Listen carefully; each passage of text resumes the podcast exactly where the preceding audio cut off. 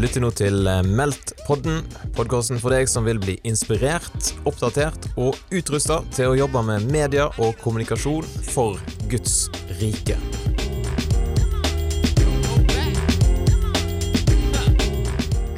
Halvard Hasseløy, velkommen til Meldt-podden.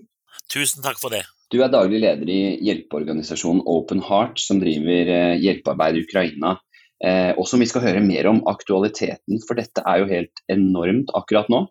Eh, men du er også evangelist og forkynner i pinsebevegelsen, og kjent som en som får ting gjort, og som har det i kjeften. Um, ja, jeg lever, av, jeg, lever av, jeg lever, av, kjeften, jeg, vet du. Jeg lever av å, å tale. Ja, ikke sant. Og, og hvilken av disse rollene trives du best i? Det er klart at eh, grunntanken, eller grunnstrømmen min, det er jo evangeliet. Det ligger under, for evangeliet om Jesus det er jo det som forvandla mitt liv eh, og ga meg eh, Guds kjærlighet i mitt hjerte, som betyr at jeg engasjerer meg i mennesker og alt det vi gjør, det gjør vi for Herren, som Bibelen sier. Men, men, det er jo det som ligger som grunn Hadde ikke jeg blitt en kristen i Haugesund for en god, snart 49 år siden, så hadde jo aldri jeg sittet her. Så det var jo det som forandret mitt liv. Men det at jeg, jeg driver med nødhjelpsarbeid og hjelper mennesker i nød, det er en naturlig følge av at uh, jeg tjener Gud. Så enkelt er det. Det, det går hånd i hanske. Ja, og vi må jo starte litt med begynnelsen, tenker jeg, Halvard. Du, du sier ja. du møtte Jesus som uh, 18-åring i Haugesund. Hvordan eh, skjedde det? Ja, For å si det ganske snilt og rett på sak, det var at jeg var en pøbel og en kjeltring fra Haugesund som uh, uh, turte gaten i Haugesund, var vill og gæren, og uh, levde det livet det som, som, som, var da på den tida i Haugesund. Og Det skapte etter hvert veldig stor tomhet i mitt hjerte. Jeg tenkte jo på livets store spørsmål. Hvorfor lever jeg? Hvorfor er jeg til? Eh, men jeg eh, kan ikke si at jeg fikk så mye svar i Den norske kirke, ikke for å si noe vondt om dem, men altså, når jeg gikk til konfirmasjonsundervisningen, så syntes jeg det var bånn kjedelig med luthersk katekisme og tibud. og Jeg hadde jo problemer med å holde den norske loven, og hvis jeg skulle få tibud til å holde, tenkte jeg så det er jo ikke noe for meg. Og bare presten sa navnet sitt, så fikk jeg et problem, for han heter Tidemann, og da ble jeg røykesugen med en gang. Tenkte på jeg måtte ut av meg en tidemannsgull, eller rød. Så det var ikke noe som tiltalte meg, men jeg kjente jo, som alle mennesker, en lengsel etter Gud i mitt hjerte. Jeg forsto ikke helt det var Gud, men eh, så var det noen kristne som begynte et hjelpearbeid, eller et eh, gatearbeid i Haugesund som heter Tenn-senter. Der de gikk ut på gata og inviterte folk opp på et, et kaféloff i Haugesund for å gi dem en kopp kaffe og en brødbit, og eh, sang og vitna. Og da jeg, da begynte jeg å tale, og da kjente jeg, som det står i Skriften, at det traff meg i hjertet. Jeg kjente at det, disse folka snakker jo virkelig om det som jeg tenker på. Hvorfor lever jeg? Hvorfor er jeg til? Hva er hensikten med livet, og fins det noe den dagen vi skal herifra? Og Jeg opplevde mer og mer at uh, Gud begynte å kalle på meg. og Så var det også slik å si da at uh, jeg var vill og gæren. Jeg dansa på bordene og køya røyken i Bibelen, og stumpa røyken i Bibelen, heter det vel på østlandsk. og oppførte meg ganske rabiat. Og det gjorde en positiv ting, at de begynte å be for meg eh, at jeg måtte bli en kristen. Det var tre gamle damer, eller fire, som eh, bestemte seg hver dag skulle be at jeg skulle bli en kristen. Og Da begynte Gud å kalle på meg. Jeg forsto ikke det var Gud, men jeg bare kjente meg efterjaget av noe som eh, var der hele tida. Og En gang så jeg hadde stjålet en motorsykkel og ikke var edru heller, og kjørte, og holdt på å kjøre inn i ei steinrøys. Da klarte jeg på en eller annen måte å, fikk stoppe før det gikk helt galt. Og Da hørte jeg en, en, en, stemme, ikke akkurat i øret, men i hjertet. Nå var du nær evighetens grense, og du er ikke rede. Og Med en gang kobla jeg det på disse damene, og når jeg traff dem neste gang, så sa jeg til dem be for meg fortsatt. Ja, kutt ut den bedinga, se for at nå begynner jeg å høre stemmer, og nå begynner det å gå trill rundt for meg, så du må kutte ut fordi at jeg begynner å få det vondt. Og da sa hun dama å takk og lov og pris. Nei, så jeg må ikke si det, for det, det er ikke godt. Det er vondt. Ja, men det blir snart godt, Halvor, hvis du tar imot Jesus. Det, det, var rett før så sent. Hvis jeg kunne kutte ut, skal jeg smokke til deg, men så var jeg jo bare ei lita dame, så jeg tenkte nei, jeg kan jo ikke gjøre det. Men en kveld jeg hadde vært på en restaurant i Haugesund, heter Snorre. Jeg var ikke edru da heller. Det var ikke det at jeg drakk hele tida, men jeg var ikke edru. Og så gikk jeg over den steinparken, som det heter. Og da kom den der røsten som jeg hadde hørt ved, nede i bakken eh, med motorsykkelen, den kom til meg. Gå på tennsenter nå. Og da var klokka eh, halv tolv. Og da, når du ikke er edru, så snakker du med deg sjøl, og da sa jeg ja, men der er det jo stengt. Men jeg gikk bort allikevel, tok i døra, og det var stengt. Og da så hørte jeg den der indre røsten si ta bak døra. Og så gikk jeg bak døra øh, og banka på. Jeg var kjent i alle smug i Haugesund. Og da når jeg hadde kommet banka på én gang der, så gikk de i trappene, og da kom det tre mennesker ned. En som heter Henry Olsen, og en som heter Kåre Ellingsen, og så en som heter Ella Linde, en av de damene som bar for meg. Og så sier jeg wow, er dere her fortsatt, er det ikke stengt? Jo da, sa de. Hvorfor er dere her da? Snakket Haugesdialekt. Og da sa de jo fordi når vi skal gå hjem i kveld, sa Guds ånd til oss at bli i bønn, for i kveld kommer en skal bli en kristen, ta imot Jesus. Og så tenkte jeg ja, men, og så sier jeg, det høres interessant ut, lurer på hvem det er. Så jeg så snudde meg for å se bak meg. Nei, det er du det, sa de, for du er den eneste som har kommet. Kan ikke du komme opp, skal vi snakke litt mer? Og så gikk jeg opp med dem opp og, og, og har snakket litt, og så sa han kjenner du ikke på tomheten? Jo, jeg gjør det. Vil du knele ned og bøye deg for Jesus? Så tenkte jeg, må jeg bøye meg, sa jeg, hva er det for noe? De gjorde det jo i de gamle dager når de ble kristne, bøyde dem kne. Så sa jeg nei, det er nok med ett kne, sa jeg til han eh, ene der. Nei, sa han, hos deg er det ikke nok med ett kne. Du er så bundet av Satans makt at du må overgi bøye begge knærne. Du må ha full overgivelse. Og så tenkte, så jeg på hun der fru Lindø, da, som så ut som ei så snill som en håper jeg, du kunne smøre henne på eh, brødskiva. Så sa jeg at ok. Så bøyde jeg meg, og så lær, lærte de meg å be frelsens bønn. Kjære Jesus, hvis du er til, kom inn i mitt liv. Tilgi meg min synd, og, eh, og rens meg og når jeg ba den bønnen om at Jesus måtte komme inn i mitt liv, så skjedde et Guds under. Altså, jeg kjente at dritten og møkka og all den der eh, djevelskapen som bodde i meg, altså forsvant ut noe, jeg vet ikke hvor, men eh, så ble jeg fulgt med en vidunderlig fred. Og så sier han Kåre, nå kan du gå hjem, for nå har du blitt en kristen, nå har du blitt frelst, som vi sa i gamle dager. Og når jeg kom hjem den kvelden, så var mor mi eh, ganske frustrert, for det var jo sent på natt, og det var jo en tirsdagskveld. og Hun sa til meg du trenger ikke si at du ikke har vært på stoff i kveld.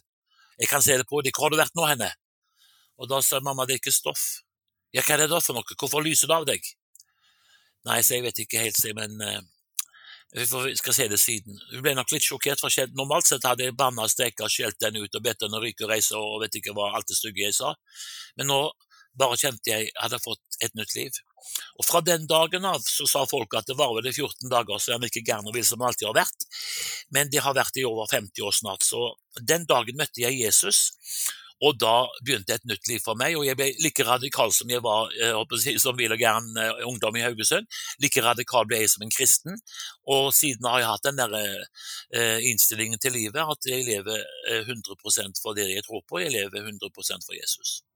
Wow, dette er jo virkelig kult å høre. Og jeg skjønner jo at, ja, at du er en mann med, med bånn gass eh, fremdeles. Um, ja, det, det, går, det går i kule varmt av og til. og evangelist er jo et ord som mange sikkert har hørt, men som jeg tenker er fint å, å forklare. Hva, hva legger du i det begrepet? En evangelist det er jo en av de Bibelen taler om fem tjenestegaver. Apostel, profet, hyrde og lærer og evangelist. sant vel? Uh, og, og altså, Evangelist det er et menneske som har fått en gave fra Gud til å formidle evangeliet til mennesker på en lettfattelig måte. Uh, du taler et enkelt budskap. Du er ikke sånn som dyp, har sånn dype bibeltimer at du drukner, men du er mer en enkel som forkynner evangeliets enkle sannheter så det er evangelist. Som, og, og, som, og, evangeliet betyr jo det gode budskap, så jeg er jo egentlig en type som eh, burde sikkert talt enda mer om uh, eh, alvorlighet. Men altså, jeg, ja, jeg taler jo om livets alvor, for det er jo det viktigste spørsmålet. Men, men jeg er en, en, en, glad type. Når jeg formidler evangeliet, så, så sper jeg opp med humor og, og, og, formidler at evangeliet er ikke noe som uh, tynger deg ned, men evangeliet eh, er noe som løfter deg opp. Og uh, det, det, å tro på Jesus, ikke, da skal ikke du bære kristendommen, men det er kristendommen som bærer deg. Jeg opplever at livet ble det ble oppløft i livet, og det er det som jeg prøver å formidle som evangelist. Og det tror jeg er evangelisttjenesten.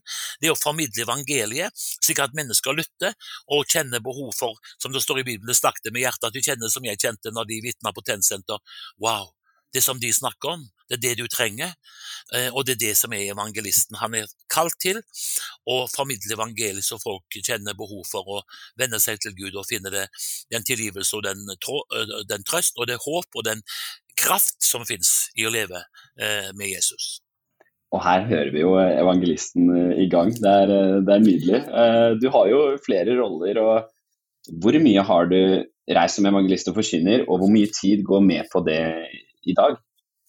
Ja, på det verste så hadde jeg 280 reisedøgn. Eh, og det, jeg pleier ofte å si at når folk spør om jeg, eh, hvordan jeg kunne vært gift med samme kone i over 40 år, da sier jeg at det er ikke problem i det hele tatt, for jeg er jo aldri hjemme. Jeg har dessverre ikke vært så mye hjemme, eh, men jeg har en fantastisk kone, Bente. Eh, hun har eh, vært eh, limet i familien og holdt det sammen. Så mens jeg var på farta, så var hun hjemme og tok seg av barna.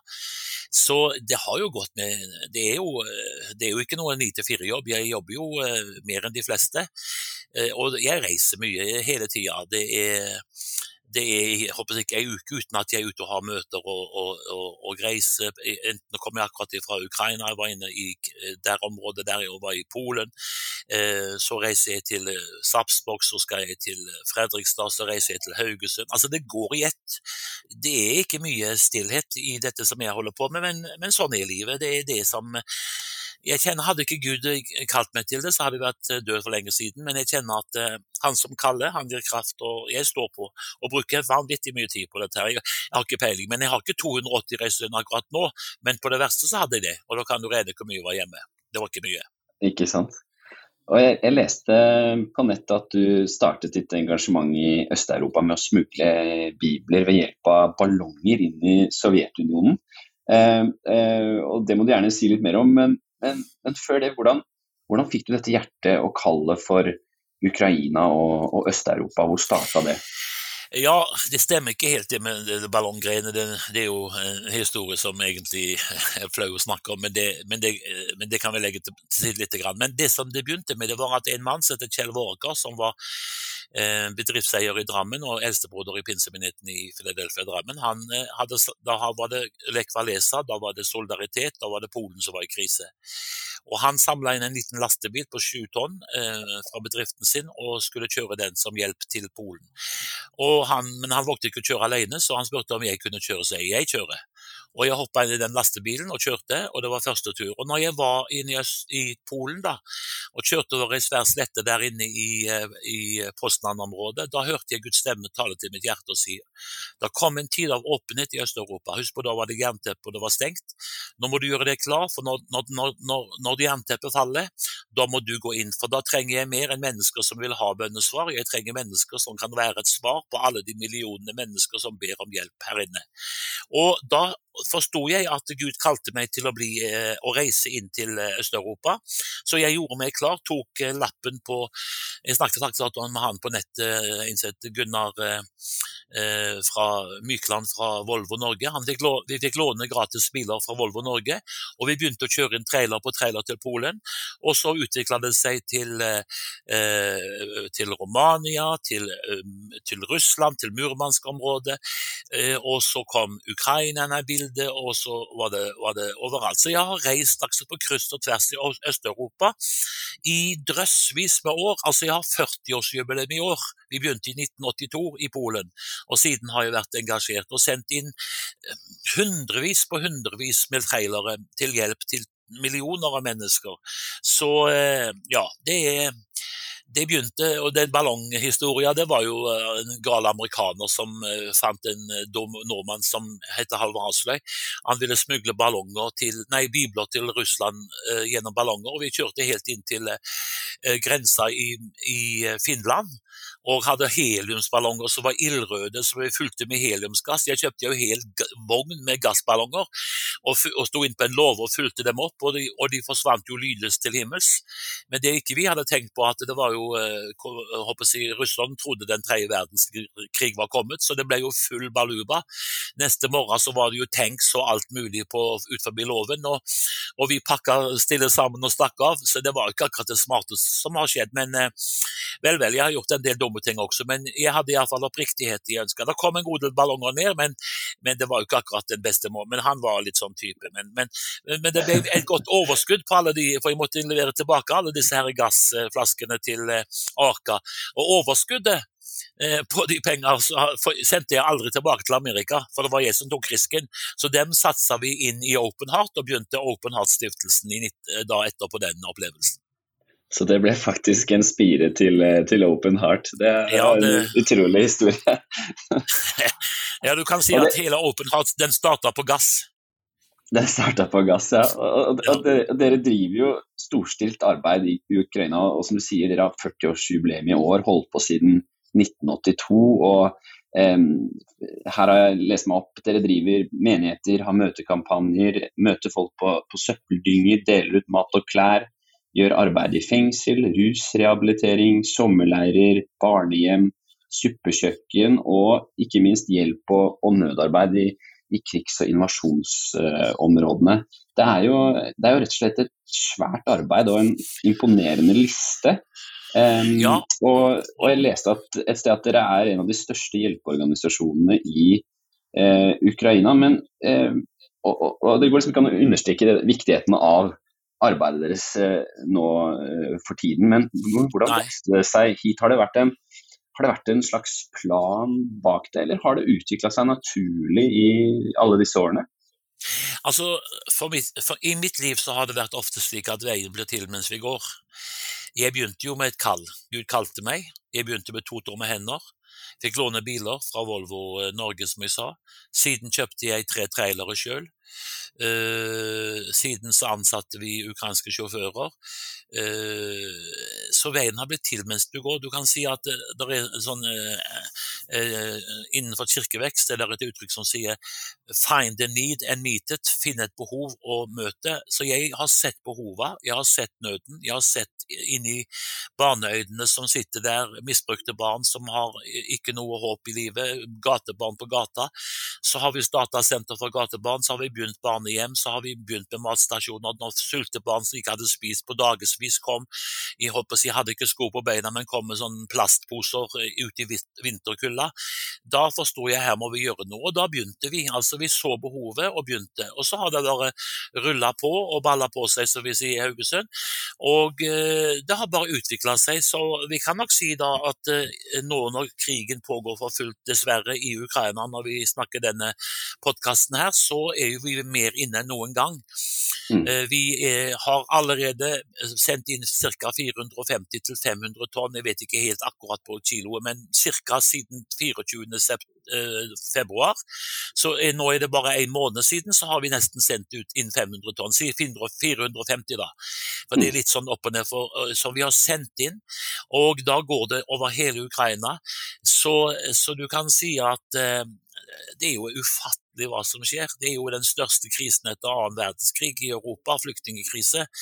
Og uh, Open Heart, vi, vi, Jeg slår ikke på stortromma, og, og, og, og, vi er enkle mennesker. Og jeg er en enkel gutt, uh, uh, sånn sett, men, men, vi gjør en storstilt innsats med våre medarbeidere. Vi har oppretta et hjem for flyktninger i, i Polen, i Stadekotovice. Vi har oppretta gjennom en pastor Balkan i Romania en, en, et brohode der også for å hjelpe flyktninger, og sende inn mat fra mange plasser. Og all denne hjelpa som vi da har sendt inn, for vi har ikke bare våre egne biler, men vi har også leiet biler. Via Baltic f.eks., et firma i Drammen her, har stilt opp og uh, gjort alle papirene. Så vi, vi, uh, vi er veldig effektive, enkle og effektive, og får inn mer hjelp enn folk flest forstår. Det mm. er et gigantisk arbeid som utføres, og vi har 400 mennesker eh, som eh, på mange måter eh, er aktive i bush, eller ute i, i, ikke bushen da, men ute i operativ tjeneste, ja, i felten heter det, i mm. Ukraina nå.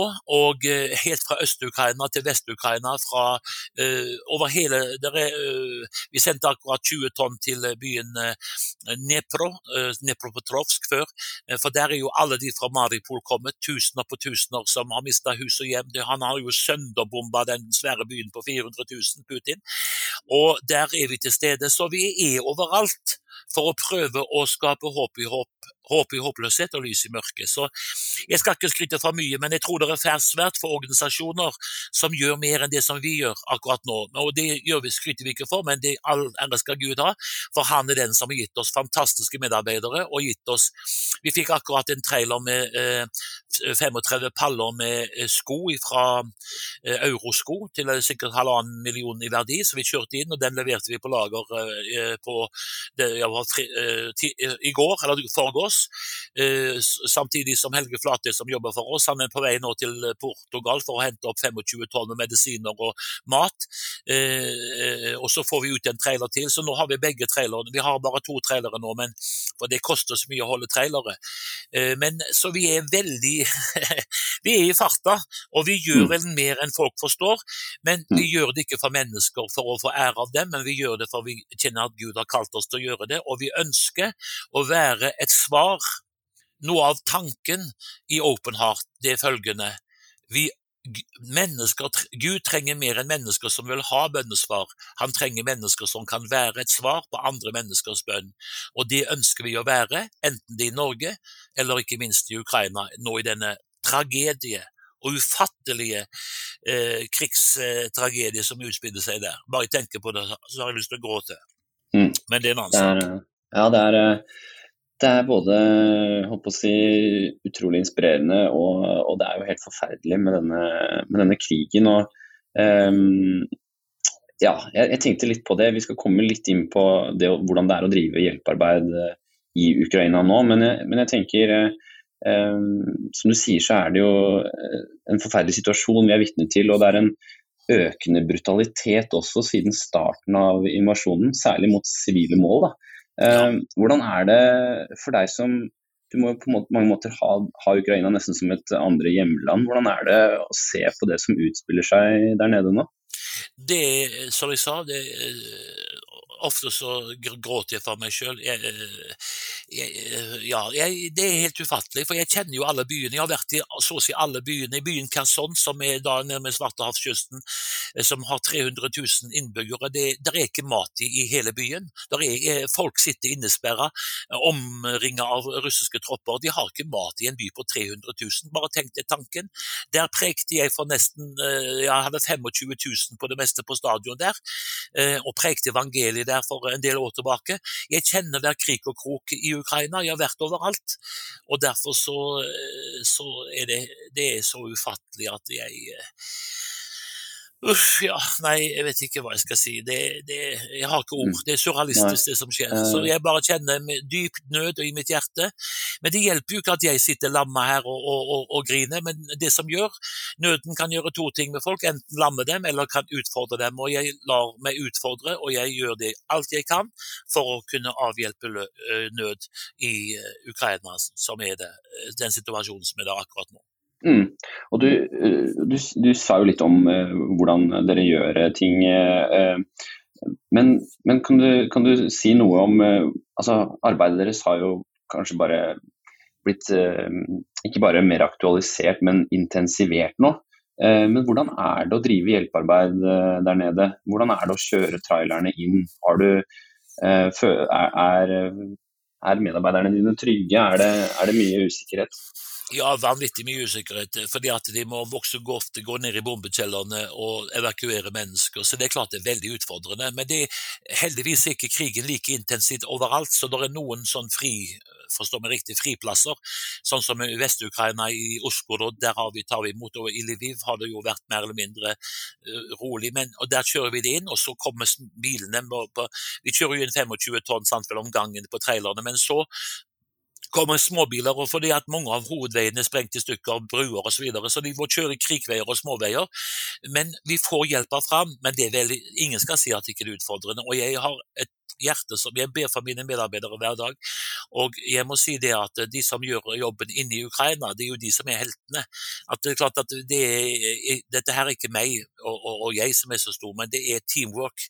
Enten det er våre sjåfører fra Norge, eller det er våre sjåfører i, eller uh, arbeidere i Ukraina.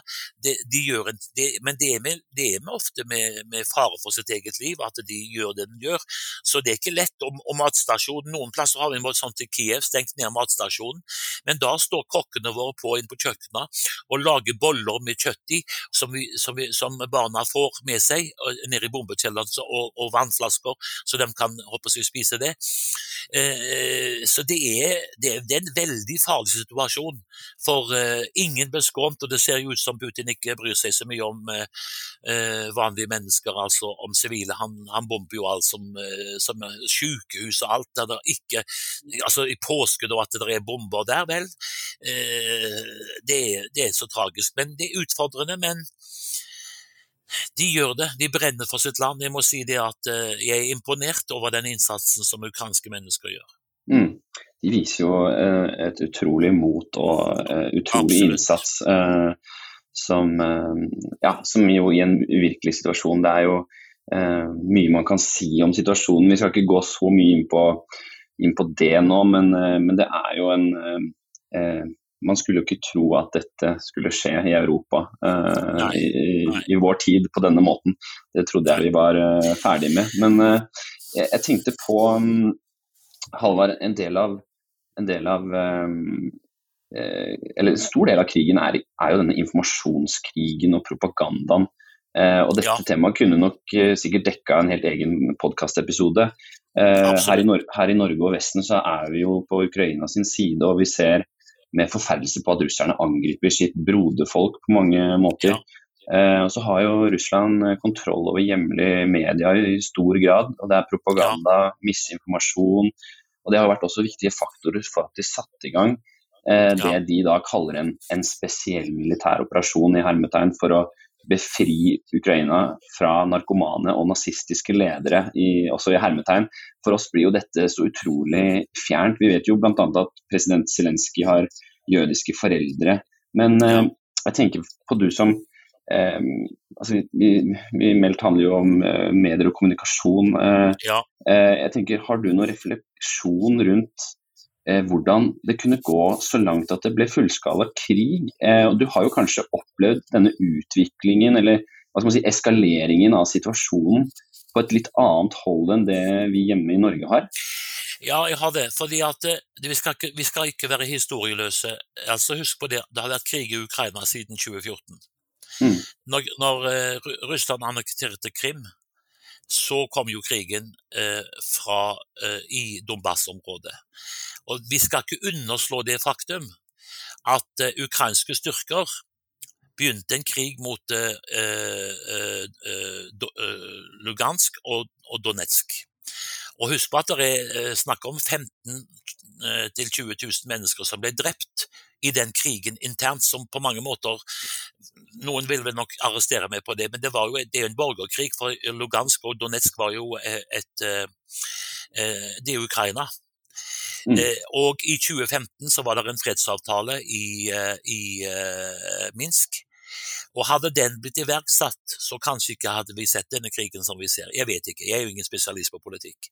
Så det er klart at hat avler hat, og eh, at det er en del ekstremnasjonalistiske grupper i Ukraina, det skal heller ikke underslås. Så jeg syns synd på mm. Zelinskyj. For uansett hva han gjør nå, så får han motstand. Mm. Eh, prøver han å inngå kompromiss, så vil han uh, høre fra disse ekstremnasjonalistene at uh, han er en, en, en, en, traitor, altså en, en, ja, en som forræder. Ja. Så han har det ikke lett for å klare det. Han gjør en vanvittig flott innsats som, som samlende leder. Det er en bakgrunn her som, som ikke vi må glemme. Og, men uansett om vi skal snakke om det historiske perspektiv som har sitt bakgrunn i Donbass og alt dette her, så rettferdiggjør det ikke at Putin gjør det han gjør i mm. Ukraina akkurat nå. Men det har vært en krig i Ukraina siden 2014, det må vi ikke glemme. Mm. Og det er tusener på tusener. Jeg har selv vært inne i eh, Donbas-området og hjulpet mennesker byene var totalt utbomba. Og det er klart at eh, disse herre som da er separatistfolka i Lugansk og, og, Donetsk, de er jo ikke heller gode mennesker. Det er, det, det, det, det er, tragisk. Men midt oppi elendigheten så er det jo vanlige mennesker som må eh, betale prisen. Mm. Så, så, jeg forsvarer på ingen måte eh, uttalelsene fra Putin om at det er narkomane og nazistiske ledere. Eh, Mr. Zelinskyj, president, han er ingen nazist, han er ingen narkoman. Han er en oppegående, fantastisk eh, eh, president for det ukrainske folk. Og han gjør en heroisk innsats. Mesteparten hadde vel stukket av med halen mellom beina, men han står opp og han gjør en innsats som er samlende for det hele det ukrainske ukrainske folk. Så eh, det som Putin har gjort, det er eh, utilgivelig uansett om vi snakker om bakgrunn. Det er mange aspekt som kan tas inn, som ikke jeg eh, kan gå i dybden på her. Men jeg forstår noe av det, det, det, bakgrunnen fordi jeg har sett det fra 2014. Men Zelinskyj og, og, at det ukrainske folk Eller det, at president Zelinskyj er en nazist, det, er jo bare patetisk å høre. Men at det finnes sterke nasjonalistiske, ekstremnasjonalistiske krefter i Ukraina, som Zelinskyj sjøl eh, har å kjempe med. Eh, men de gjør jo også en innsats nå i krigen, så eh, ja, det er mm. vanskelig å, for, å, forklare det her. Jeg må være forsiktig med mm. hva jeg sier, fordi at jeg ønsker ikke å eh, på noen måte rettferdiggjøre det som skjer. Men, mm. eh, men det ukrainske folk har opplevd ufattelig tragedie i disse, mm. disse, disse siste åra. Og nå når Russland går til krig, så Jeg tror jo at han har en uh, stormannsgalskap. Han skal ta veien gjennom Maripol, fra uh, Donbass gjennom Maripol, så han har fritt leide til uh, Krim. Og så vil han sikkert prøve også ta prøve seg på Odessa og disse plassene der nede, men det tror jeg ikke han kommer til å klare. For jeg må si det at den operasjonen han har, den er jo totalt mislykka. Altså ikke totalt, men den eh, Ikke for de som er drept, men, men det har jo ikke vært noe suksess militærmessig. Nei. Så eh, ja, min bønn er, kjære Gud, la denne krigen slutte så snart som mulig. For nå har det vært nok lidelse for det ukrainske folk.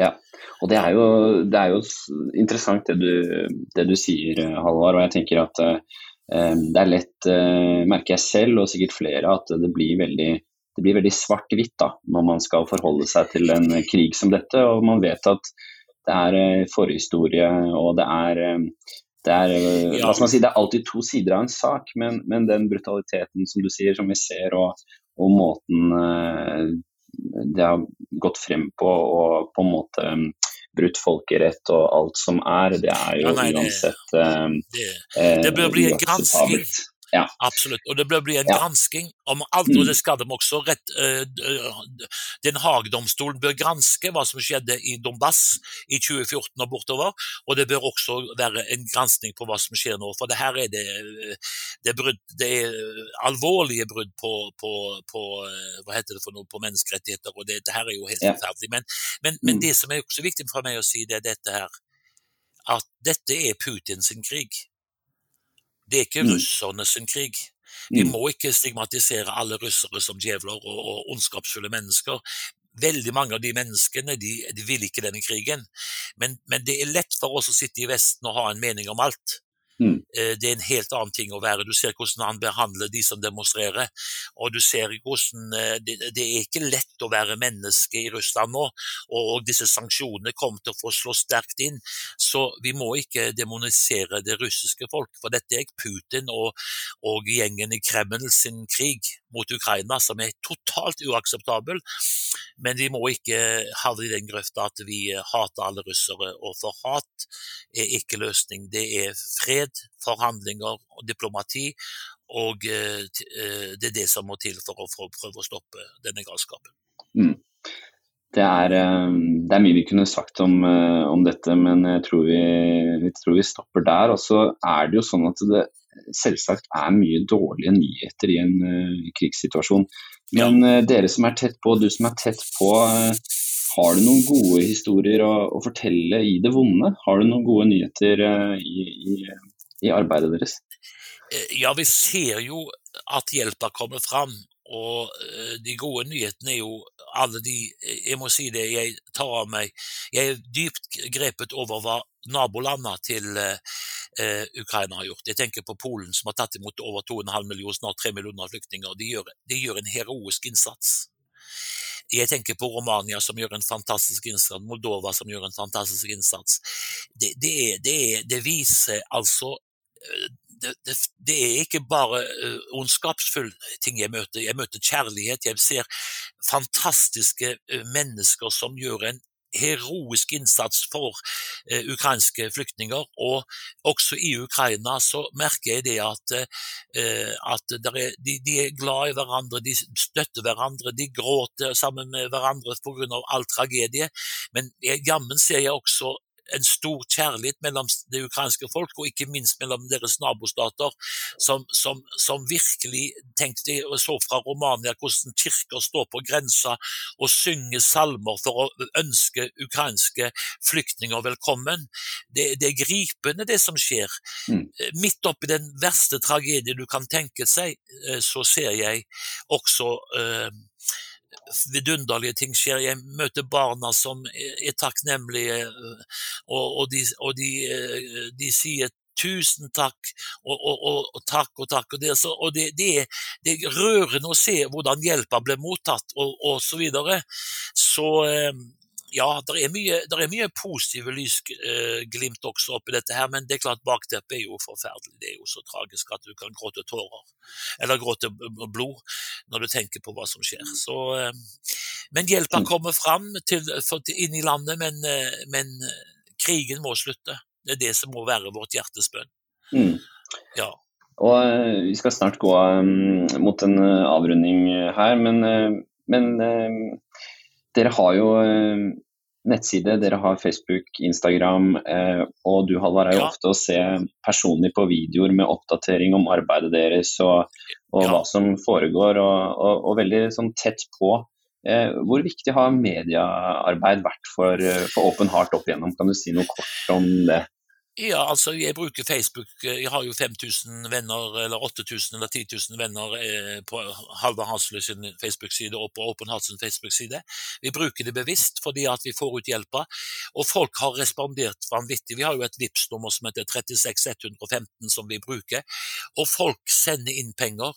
Eh, og Kanal 10, en, i en kristen kanal som drives av en som heter Rygg, eh, Øyvind Rygg og kona hans, de har nå vil kjøre en aksjon aksjonen sammen med oss 2. april til inntekt for Ukraina og for matpakker til fattige mennesker der. Så jeg bruker media veldig bevisst, fordi at eh, når folk ikke kan eh, nås på annen måte, så bruker vi eh, absolutt media. Vi har også avertert i eh, forskjellige aviser for å, for, å, for å, få inn midler. Så jeg eh, sier at media og, og, og, og sosiale medier nå det er vanvittig viktig for oss. Og, og hjemmesida vår Open Heart Heart er ikke så operativ nå, for jeg har ikke hatt tid til å gjøre så mye med den. Men Facebook-sidene til Openheart og til uh, Halvard Hasløy de er operative. Og, eh, og uh, ja, jeg vil si det at det er blitt et unikt verktøy og instrument i våre hender til å kunne samle inn penger til, til de som trenger det mest nå i Ukrainas tragedie.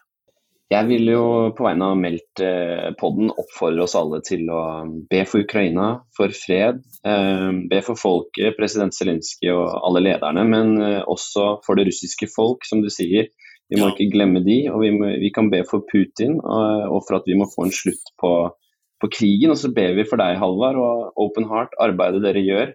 Ja, det er ehm, takknemlige takknemlig for. Må dere ha beskyttelse og, og velsignelse videre. Og så, som du sa, man kan gi til Open Heart på VIPS 36115. Det, det sier vi gjerne på denne podkasten. Man finner mer info på openheart.no og, på, og ved å søke dere på, på Facebook.